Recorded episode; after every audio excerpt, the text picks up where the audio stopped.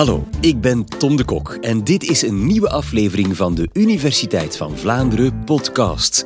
Zet je er gezellig bij, want dit kwartiertje is voor jou. Iedereen voelt zich wel eens eenzaam als je ruzie hebt gemaakt met een vriend of op een feestje waar iedereen zich lijkt te amuseren en jij het plezier er echt niet van inziet of als het net uit is met je lief of gewoon soms als je het gevoel hebt dat je er niet bij hoort. Maar voor de meeste van ons gaat dat gevoel gelukkig na een tijdje vanzelf weer over. Wat als je je dagen, weken, maanden of zelfs jaren eenzaam voelt? Je denkt daarbij misschien aan oude mensen, maar heel wat jongeren zijn ook eenzaam. Gek toch? Want jongeren hebben toch veel sociale contacten op school, in de sportclub of op de muziekschool en op social media. Dokter Marlies Maas vertelt je er meer over. Is het raar dat jongeren zich eenzaam voelen? Dit is de Universiteit van Vlaanderen.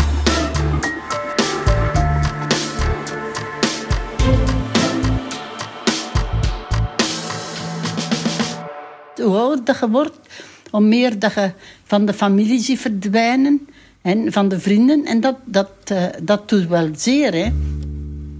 En een dag kan lang duren, hè, dat je soms niemand niet ziet op een hele dag. Hè.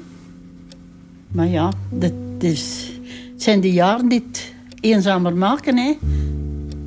Als we aan eenzaamheid denken, denken we vaak aan ouderen. Aan die oudere man of vrouw alleen thuis. Een weduwe misschien of een weduwnaar. Weinig of geen bezoek. Alleen wegkwijnend achter de geraniums. Maar eenzaamheid is van alle leeftijden. Ook als je jong bent kun je je eenzaam voelen. Het is zelfs zo dat eenzaamheid net zo vaak voorkomt bij ouderen als bij jongeren. En dat strookt eigenlijk niet zo met het beeld wat we hebben van eenzaamheid. Jongeren zijn toch voortdurend in contact met anderen. Zij zitten op school in een klas met leeftijdsgenootjes. Ze zitten op een sportvereniging of bij een muziekclub. Er zijn toch ongelooflijk veel mogelijkheden tot sociaal contact. En toch zien we dat ook veel jongeren zich eenzaam voelen. Hoe kan dat nou? Om daar een antwoord op te vinden of om daar een beter beeld van te krijgen, is het belangrijk dat we eerst bedenken wat eenzaamheid nu eigenlijk precies is. En om ons daarbij te beseffen dat eenzaamheid echt iets anders is dan alleen zijn. Alleen zijn is iets objectief. Alleen zijn kun je zien, er zijn geen mensen rondom jou. Eenzaamheid is iets subjectief, dat kun je heel vaak helemaal niet zien. Eenzaamheid dat is een naar gevoel dat ontstaat als je een verschil ervaart in de relaties en sociale contacten die je hebt en die die je graag zou willen hebben. Je kan alleen zijn, maar dan hoef je je helemaal niet eenzaam te voelen. Het kan heel fijn zijn om even alleen te zijn, ook voor jongeren. Om je even terug te trekken, even alleen op je kamer te zijn, daar tot rust te komen. Andersom kun je je juist ook heel erg eenzaam voelen in een groep. Denk maar eens aan dat feestje waar iedereen aan het lachen is, met elkaar kletst, zich lijkt te amuseren maar jij staat daar een beetje, wat verloren. Alsof je daar niet hoort op dat moment. Alsof je daar niet thuis hoort. Je hoeft je dus niet eenzaam te voelen als je alleen bent. En je kan je ook heel erg eenzaam voelen in een groep, in een klas, zelfs in een relatie. Alleen zijn, dat is een situatie. Eenzaamheid is een gevoel. Eenzaamheid, dat gaat dus om een gemis, om iets missen in je relaties, in je sociale contacten. En dat kan iets kwantitatief zijn of iets kwalitatief. Dus het kan zijn dat je het gevoel hebt dat je niet genoeg sociale contact hebt. Dan ben je niet tevreden bijvoorbeeld met het aantal vrienden dat je hebt. En die behoefte aan aantallen, dat is heel erg verschillend voor mensen. Sommige mensen die, die hebben graag een paar contacten, andere mensen hebben graag heel veel contacten. Het gaat echt om dat verschil tussen wat je hebt en wat je graag zou willen hebben. Dus als je vijf vrienden hebt en je wil er maar vijf, je bent daar tevreden mee, prima, niks aan de hand. Maar heb je vijf vrienden, maar je wil er eigenlijk graag tien, dan voel je je eenzaam. Naast die aantallen van sociale contacten is zeker ook de kwaliteit heel belangrijk. Het gaat niet om het hebben van een aantal contacten, maar of die contacten jou ook brengen waar je behoefte aan hebt. Of ze diepgaand genoeg zijn, of je je er thuis voelt, alsof je erbij hoort. Eenzaamheid gaat dus om iets missen in je relaties. En je kunt daarin eigenlijk twee brede types onderscheiden: emotionele eenzaamheid en sociale eenzaamheid. Bij emotionele eenzaamheid gaat het om het gevoel dat je een hechte relatie mist, een heel diepgaande band met iemand. Iemand die jou door en door kent, die er altijd voor je is, op wie je kan bouwen en vertrouwen. Bij sociale eenzaamheid gaat het meer om het gevoel dat je een netwerk mist, mensen om jou heen om leuke dingen mee te doen, om bijvoorbeeld mee te gaan wandelen of naar de cinema te gaan. Mensen die je bijvoorbeeld kunt vragen als je gaat verhuizen om je mee te helpen. Of wie je kunt vragen om een notitie te maken voor jou als je een les moet missen omdat je ziek bent. Zo kan het bijvoorbeeld zijn dat je een heel goede vriend of vriendin hebt of een partner. Waar je heel tevreden mee bent. Er is niks mis met die beste vriend of vriendin. Maar toch voel je je eenzaam omdat je die bredere kring van kennissen mist. Je mist die, die groep van mensen om gewoon leuke dingen mee te doen. Waar je je thuis voelt, waar je je bij voelt horen. Dan voel je je niet emotioneel eenzaam, maar wel sociaal eenzaam. Andersom kan het ook zo zijn dat je die fijne groep vrienden hebt. Fijne vrienden, leuke vrienden, waar je je thuis voelt en waar je leuke dingen mee doet. Maar tegelijkertijd voel je je dan nog steeds eenzaam, omdat je juist die diepe hechte band met een beste vriend of vriendin mist. Dan is er niks mis met je vriendengroep en je voelt je ook niet sociaal eenzaam, maar je voelt je wel emotioneel eenzaam. Bij eenzaamheid gaat het altijd om een gebrek aan verbintenis. En die verbintenis, dat is eigenlijk een basisbehoefte. Iedereen heeft behoefte aan verbintenis. Evolutionair gezien hebben we het nodig, bijvoorbeeld om eten te zoeken of om onze overlevingskansen te vergroten. Maar ook nu hebben we elkaar nog nodig. Je zou zelfs kunnen zeggen dat het eigenlijk heel goed is dat we ons eenzaam kunnen voelen. Eenzaamheid heeft namelijk een heel belangrijke signaalfunctie. Het signaleert ons dat er iets mist op sociaal vlak. En juist omdat het zo'n naar en vervelend gevoel is, motiveert het ons ook. Het motiveert ons om die tijd en energie te investeren die ook nodig is om nieuwe contacten op te doen of om bestaande contacten uit te diepen. Want contacten opdoen, contacten onderhouden, dat is helemaal niet zo makkelijk. Dat kost heel veel tijd en energie. Als je nieuwe contacten wil aangaan, moet je mensen ontmoeten. Je kan bijvoorbeeld lid worden van een sportclub of een hobbyvereniging. Maar het is niet zo dat de eerste beste persoon die je daar aanspreekt je nieuwe beste vriend of vriendin is. Dat kost tijd. En na verloop van tijd blijkt dan dat er misschien een heel fijne klik tussen jullie is. Het kan ook zijn, en dat is misschien wel best wel vaak zo, dat die klik er eigenlijk niet zo blijkt te zijn. Dat je weer verder op zoek moet. En juist die eenzaamheid, dat vervelende gevoel, dat blijft ons motiveren om die energie en die tijdsinvestering te doen, ook al levert dat heel vaak niet direct iets op.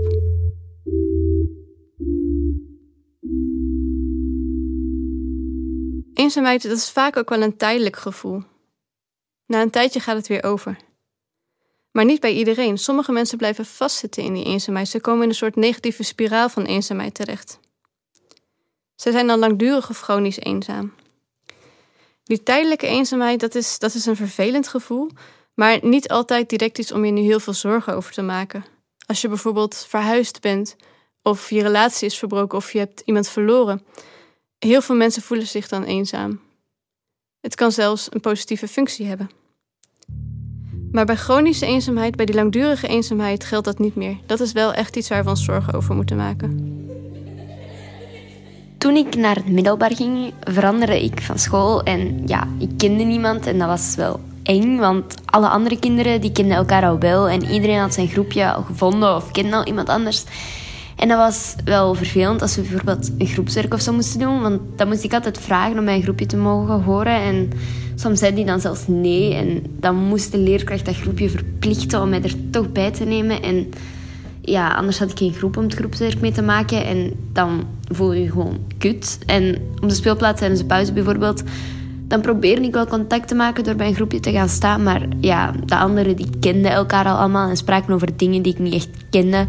En ik werd niet echt betrokken bij het gesprek. En dat gebeurde wel een paar maar ja, je voelt je dan zo onzeker, onzeker want je wordt zo afgewezen.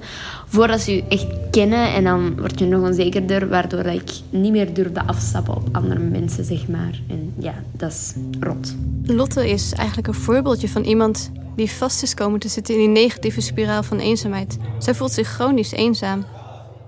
En dat heeft veel gevolgen voor hoe het met haar gaat op school, maar ook voor haar mentale en fysieke gezondheid.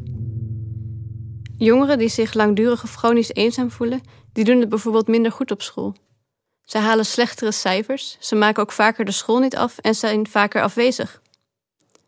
Chronische eenzaamheid heeft ook veel effecten op je mentale gezondheid ze zien dat jongeren die zich chronisch eenzaam voelen ook op mentaal vlak meer klachten hebben. Ze hebben bijvoorbeeld meer depressieve of angstklachten en ze hebben vaker zelfmoordgedachten. Maar ook op onze fysieke gezondheid heeft het een effect. Jongeren die zich chronisch eenzaam voelen, die hebben bijvoorbeeld vaker klachten als hoofdpijn of buikpijn. Ze gaan vaker naar de dokter en ze hebben vaker slaapproblemen. Het zou kunnen dat dat komt omdat mensen die zich chronisch eenzaam voelen soms wat minder goed voor zichzelf zorgen. Ze bewegen bijvoorbeeld minder of ze eten minder gezond. Maar het kan ook zijn dat ons stresssysteem wordt aangetast. Dus dat gevoel van eenzaamheid dat zorgt ervoor dat je voortdurend alert bent, dat je voortdurend om je heen aan het kijken bent en onder spanning staat. En op den duur kan dat je stresssysteem dus aantasten. En een aangetast stresssysteem kan vervolgens ons immuunsysteem weer aantasten. Onderzoek onder volwassenen heeft zelfs aangetoond dat eenzaamheid een verhoogd risico met zich meebrengt op vroegtijdig overlijden. En dat het risico groter of net zo groot is als factoren die we eigenlijk, waar we al meer bekend mee zijn, zoals overmatig alcoholgebruik, obesitas of roken. Ergens is het dus eigenlijk wel goed dat we ons eenzaam kunnen voelen, zolang we er ook maar weer terug uit geraken. Maar die chronische eenzaamheid, het langdurige, dat heeft een enorme impact op zoveel facetten van ons leven. Zijn er dan ook zoveel jongeren die zich eenzaam voelen? Als je kijkt naar verschillende leeftijdsgroepen, als je die met elkaar vergelijkt, dan zien we dat er een piek is bij jongeren. En dat die piek er is bij zowel jongens als bij meisjes. Er wordt soms wel gedacht dat jongens en meisjes anders omgaan met anderen, dat zij andere dingen zoeken in relaties, andere prioriteiten leggen, anders omgaan met hun vrienden. Dat kan kloppen, maar bij eenzaamheid gaat het niet om je verwachtingen of dat wat je in relaties zoekt. Het gaat echt om die disbalans, om dat verschil tussen wat je hebt en wat je graag zou willen hebben. En als daar een disbalans is, dan voel je je eenzaam. En dat geldt voor jongens en voor meisjes. Hoeveel jongeren nu precies eenzaam zijn, het is heel moeilijk om daar echt een getal op te plakken. Het hangt heel erg af van de manier waarop je dat bevraagt. Bijvoorbeeld met een vragenlijst of gebruik je één enkele vraag: voel jij je eenzaam? En bedoel je dan nu, vandaag, op dit moment? Of bedoel je afgelopen weken of afgelopen maanden? Of is de vraag eigenlijk: voel jij je wel eens eenzaam? Ooit in je leven? En dan ga je percentages krijgen van 80 of 90 procent, misschien zelfs wel 100 procent. Maar als je dat nu heel algemeen bekijkt en een beetje een grove schatting zou willen maken, dan is het toch wel 1 op de 5 jongeren die zich regelmatig eenzaam voelt. Een groot deel daarvan gaat toch wel ook over die tijdelijke eenzaamheid. Ga je nu heel specifiek naar die langdurige chronische eenzaamheid kijken, dan is het eerder 3 tot 10 procent van de jongeren. Maar zelfs als je naar die heel voorzichtige schatting van 3% gaat kijken, gaat het nog om ongelooflijk veel jongeren. En dat is die groep, die chronisch eenzame groep, waar we ons wel echt zorgen over moeten maken. Hoe kan het nu dat juist die jongeren, die zo in contact staan met leeftijdsgenootjes, zich toch zo eenzaam kunnen voelen? Ze zitten in een levensfase waar van alles verandert. Ze zijn bijvoorbeeld op zoek naar een identiteit. Wie ben ik en wie past bij mij? En voor sommigen gaat het nou net iets makkelijker om die mensen te zoeken, om daarmee contact te leggen. Veel jongeren voelen zich ook gewoon anders in hun puberteit. Ook is erbij horen in deze fase superbelangrijk. En leeftijdsgenootjes hebben een heel grote invloed. Als je dan net die ene vriend of dat klikje niet vindt waar jij je thuis voelt, dan ga je je eenzaam voelen. Bij eenzaamheid gaat het echt om die verbondenheid. Het gaat niet enkel en alleen om het hebben van veel vrienden. Het kan dus ook zijn dat juist die populaire jongeren zich heel eenzaam voelen. Zij hebben misschien veel vrienden, ze staan in het middelpunt van de belangstelling. Maar het gaat om het hebben van kwaliteitsvolle vriendschappen. Als zij niet tevreden zijn met die vrienden, als die vrienden niet brengen waar ze behoefte aan hebben, als ze, zich daar, als ze bij hun vrienden niet zichzelf kunnen zijn, als ze zich daar niet thuis voelen, dan zullen ook zij zich eenzaam voelen. Wat verder ook vaak gedacht wordt, is dat uh, het veelvuldig sociale mediagebruik van jongeren leidt tot hun gevoelens van eenzaamheid. Maar het ligt wel iets genuanceerder dan dat. Dus sociale media gebruik dat kan inderdaad leiden tot meer eenzaamheid.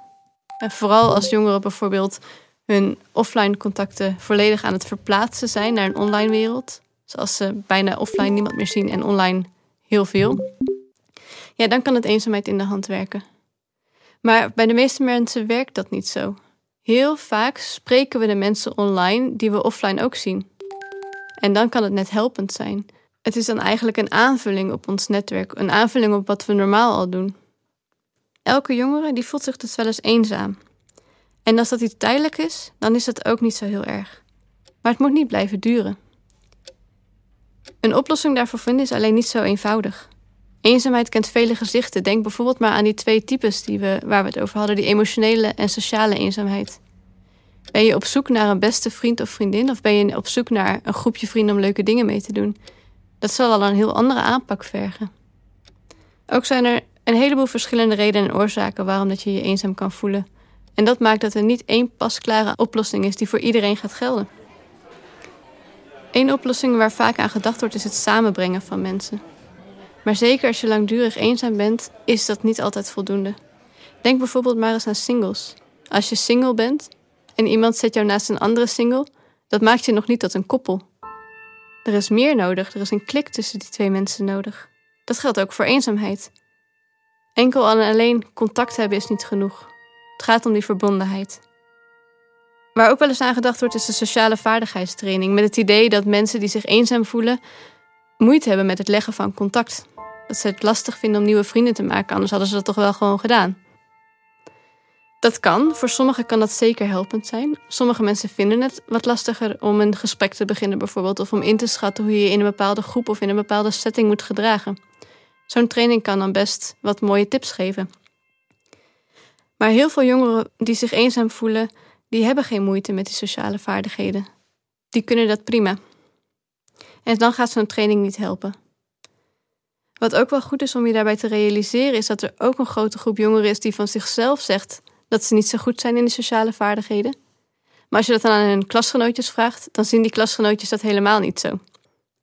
Dus het lijkt dan eerder te zijn, een sprake te zijn van een negatief denkbeeld, een negatief zelfbeeld. En dat is een andere heel belangrijke factor. We zien dat jongeren die zich chronisch eenzaam voelen, eigenlijk veel negatiever over zichzelf denken en over anderen. Ze hebben een negatief zelfbeeld en ook veel minder zelfvertrouwen. Ze verwachten bijvoorbeeld ook dat ze sneller worden afgewezen. En als ze dan worden afgewezen, zullen ze de schuld eerder bij zichzelf liggen. Zij zijn ook niet zo'n leuk persoon, in plaats van dat het door toeval komt of door allerlei andere factoren. Als je zo'n negatieve bril op hebt, dat wil dan nog niet zeggen dat het je eigen schuld is. Of dat je raar bent dat er iets mis is met jou. Er kunnen allerlei omstandigheden en situaties zijn die hebben gemaakt dat die negatieve denkpatronen zijn ontstaan. Je bent misschien vroeger wel gepest geweest, wat een enorme inbreuk heeft opgeleverd in je zelfbeeld. Zulke negatieve gedachtenpatronen die gaan het aangaan en uitdiepen van bestaande contacten enorm in de weg zitten. Dus dat is dan eigenlijk waar je vooral op moet inzetten. Het is alleen niet zo evident om die gedachtenpatronen om te buigen. En soms kan professionele hulp dan uitkomst bieden. Maar los van die oplossingen is over praten een heel belangrijke eerste stap. Maar dat is ook niet zo makkelijk. Het is soms bijvoorbeeld heel moeilijk om erover te praten met je vrienden of ouders, een partner, omdat je dan denkt dat je hen het gevoel geeft dat ze niet genoeg zijn, dat, dat er iets mist bij hen. Maar verschillende relaties hebben verschillende functies. Je vriendschapsrelaties kunnen prima in orde zijn, maar je kan je nog steeds eenzaam voelen op allerlei andere vlakken. Ook heerst er nog steeds een groot taboe op eenzaamheid. We denken nog steeds vaak bij eenzaamheid: wat is er dan mis met die persoon? Waarom kan die geen vrienden maken? Waarom lukt dat niet zo goed? Dat maakt het heel moeilijk om over eenzaamheid te praten. En dat is echt heel jammer. Want het is niet raar als je als jongere eenzaam voelt. Je eenzaam voelen dat kan heel veel verschillende oorzaken en redenen hebben. Heel veel mensen voelen zich wel eens eenzaam. En vaak gaat het met de tijd ook wel weer over. Maar soms blijft het voortduren. Dan kun je vast blijven zitten in die negatieve spiraal van eenzaamheid. En soms is het heel moeilijk om er dan weer uit te komen. Maar het is niet omdat je je nu zo voelt dat je je altijd zo zult voelen. Er is wel degelijk iets aan te doen. Dankjewel, dokter Maas. Eenzaamheid. Uh, je zou het ook een klein beetje een hype kunnen noemen, met alle respect. Want er wordt natuurlijk uh, tegenwoordig veel over gepraat. Er zijn wel wat initiatieven om daar uh, met jongeren over in gesprek te gaan. Nog lang niet genoeg, wellicht. Maar um, is eenzaamheid in deze wereld waarin we meer dan ooit met elkaar verbonden zijn, maar elkaar ook misschien meer dan ooit af en toe mislopen, is dat een moderne ziekte of heeft het altijd al bestaan en zien we het nu pas? Er wordt vaak gezegd dat we nu eenzamer zijn dan ooit. Um, maar daar is eigenlijk nog maar, daar is niet echt bewijs nog voor. Um, dus het lijkt er niet op dat we nu eenzamer zijn dan ooit. Er is meer aandacht voor en dan kan het gevoel geven dat er meer eenzaamheid is. Is eenzaamheid iets dat je kan doorgeven? Kan je er aanleg voor hebben? Ben je makkelijker eenzaam als je ouders dat ook waren? Er is inderdaad een belangrijke genetische component bij eenzaamheid. Dus ongeveer 50% is erfelijk. Um, het lijkt dan eerder in interactie met de omgeving te staan. Dus dat je bepaalde genen draagt die jou gevoeliger maken voor je omgeving. Dus als je omgeving positief en fijn is, dan gaat het extra goed met je. Als je omgeving naar of vervelend is, dan gaat het extra slecht met je. En heb je ook een hoger risico op eenzaamheid. We leven in een wereld waarin de slagzin wel eens lijkt te zijn: fake it until you make it. Als je je maar uh, luidruchtig en sociaal genoeg gedraagt, dan voel je vanzelf minder eenzaam. Is dat, is dat een, een tactiek die kan werken? Ik kan het me moeilijk voorstellen dat die gaat werken. Het gaat er vooral om dat je relaties en contacten hebt die passen bij wie jij bent. Um, als jij je heel extravert gaat voordoen, maar je bent zo helemaal niet, dan ga je je altijd niet thuis horen voelen in die groep. Je gaat jezelf voorbij lopen en je gaat ook vrienden om je heen verzamelen die helemaal niet bij jou passen. Om dan positief te eindigen, het lijkt me dat we eigenlijk nog niet zo heel veel weten over eenzaamheid. Gaan we in de toekomst eenzaamheid misschien kunnen oplossen of toch beter detecteren en aanpakken? Uh, dat zou mooi zijn. Op zich, eenzaamheid heeft dus ook wel een positieve functie. Dus het is niet het doel om het de wereld uit te helpen. Het doel is om te zorgen dat het niet iets langdurig wordt. Um, misschien is dan het eerste doel ook wel gewoon dat het taboe eraf gaat, dat we erover kunnen gaan praten. En dat we het af en toe leren omarmen. Dankjewel, dokter Marlies Maas, voor die boeiende uitleg. Als je deze aflevering net zo interessant vond als ik, laat het ons absoluut weten. Dat kan met een mailtje naar info.universiteitvandvlaanderen.be. En zo kan je ons trouwens ook bereiken als jij een vraag hebt waar je graag een wetenschappelijk antwoord op wil krijgen. Heel graag tot een volgende keer.